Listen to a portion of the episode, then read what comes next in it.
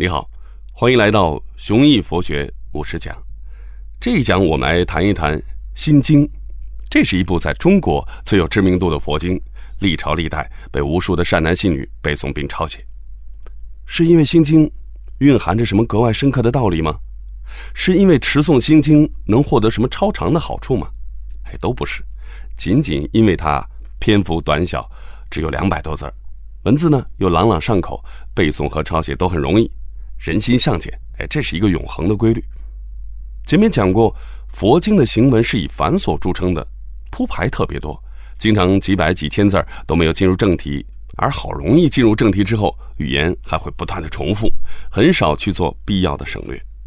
这一点在《金刚经》里面你已经见识过了，所以像《心经》这样言简意赅、短小精悍的佛经，才尤其显得难能可贵。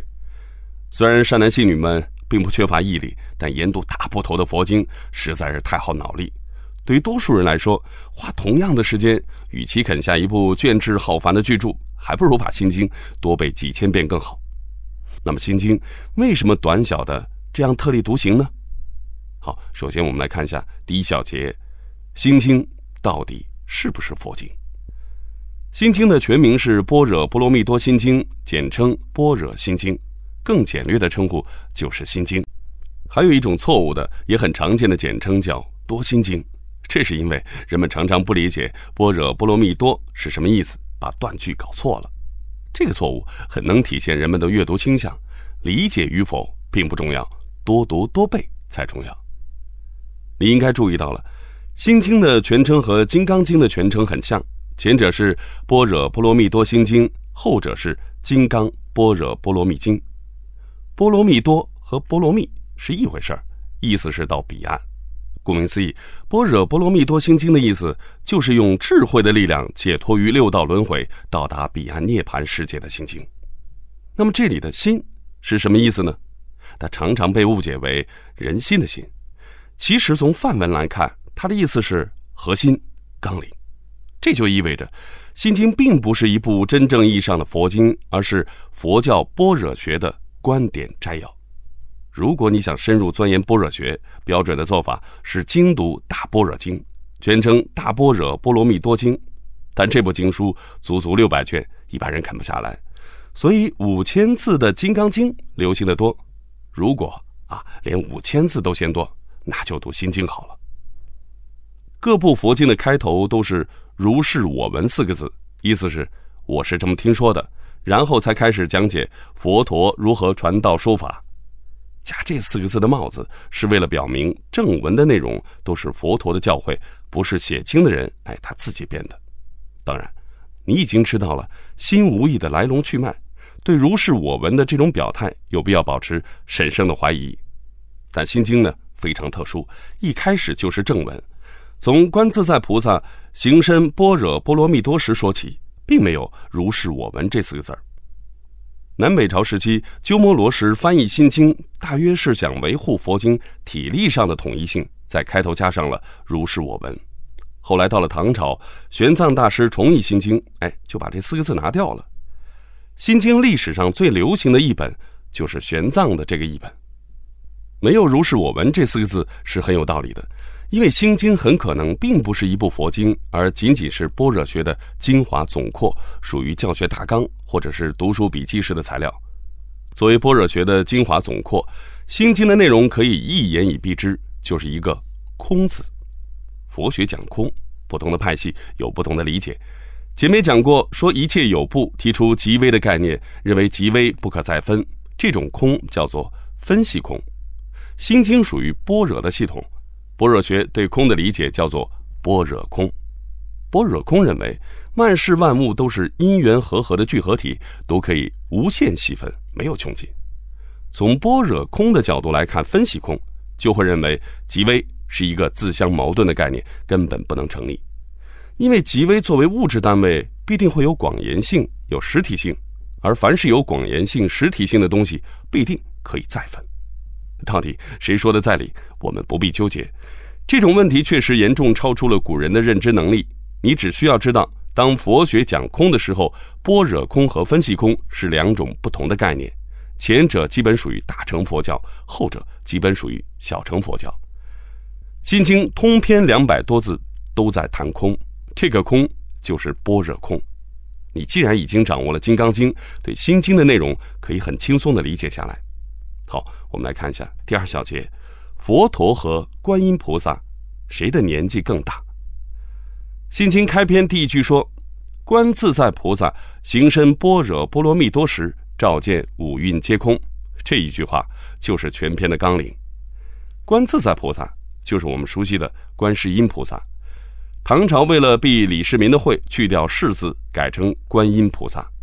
观音菩萨虽然名满天下，但在不同的佛经里，对他的出身来历和身份地位存在很多种说法。最有意思的是，观音菩萨原本并不是佛教人物，而是在佛教诞生之前就已经是被印度婆罗门教供奉的一位天神。前面说过了。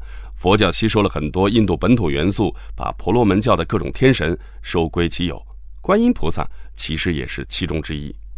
但佛教要怎么解释观音菩萨比佛陀本人更老的资历和更大的年纪呢？这倒不难。有佛经记载说，观音菩萨早在佛陀之前就已经涅槃成佛了，尊号是正法明如来。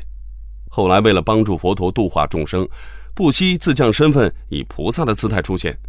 如果相信这种记载，那就意味着佛法完全不是佛陀的原创，最多只能算是佛陀的再发明。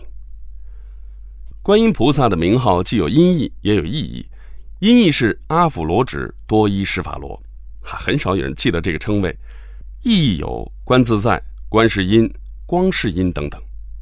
意义的每个名号都有不同的含义。我们现在只从《心经》的版本来看“观自在”的意思。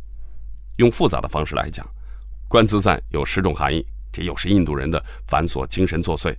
我们还是用简单的方式来讲吧。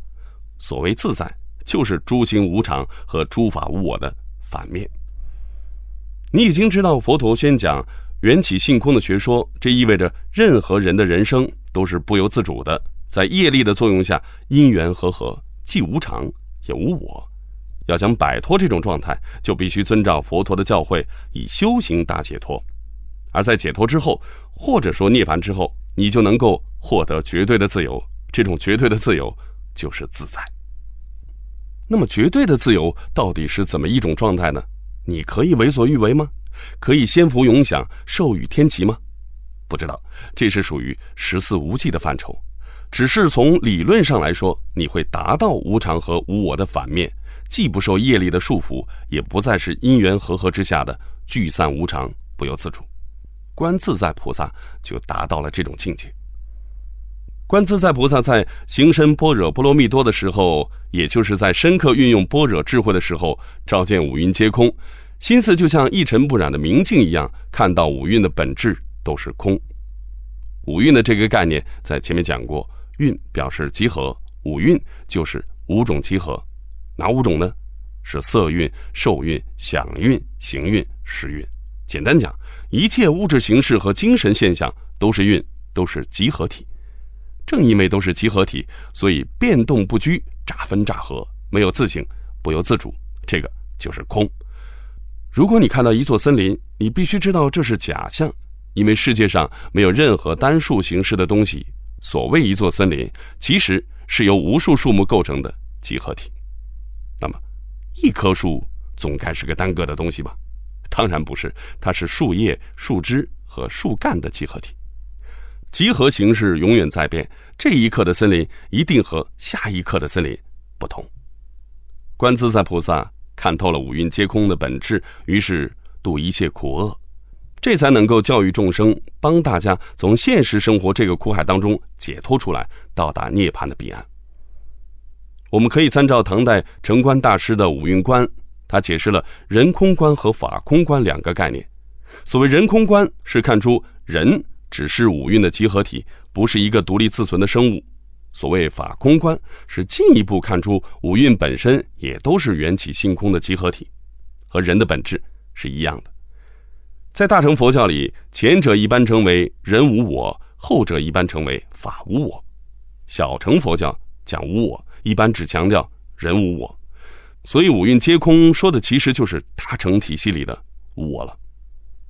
好，最后我们来复习一下，这一讲谈到《心经》，从严格意义上来说都不能算是一部佛经，甚至它都没有一般佛经开头的如是我闻，它很可能是佛教般若学的观点摘要。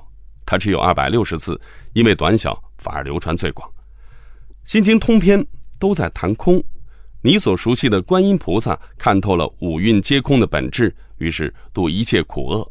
而这位观音菩萨在佛教诞生之前就已经是被印度婆罗门教供奉的一位天神。好，依然是我们的思考题时间。